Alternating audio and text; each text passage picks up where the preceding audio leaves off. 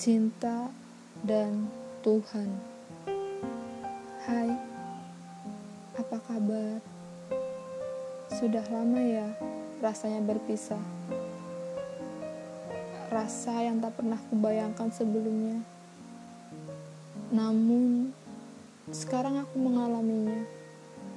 Ya, itu karena Tuhanmu bukan Tuhanku tak pernah kubayangkan sebelumnya bahwa aku akan mencintai pria yang bahkan tak pernah mencintaiku dengan tulus. Pria yang tak pernah mau berjuang untukku.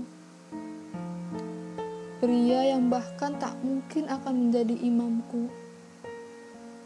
Dan pria yang kini meninggalkanku karena wanita lain.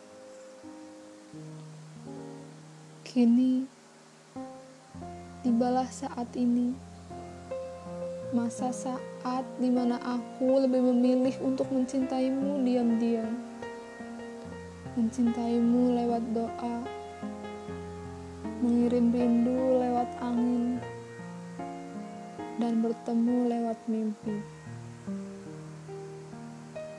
Aku yang telah dihianati dengan berbagai alasan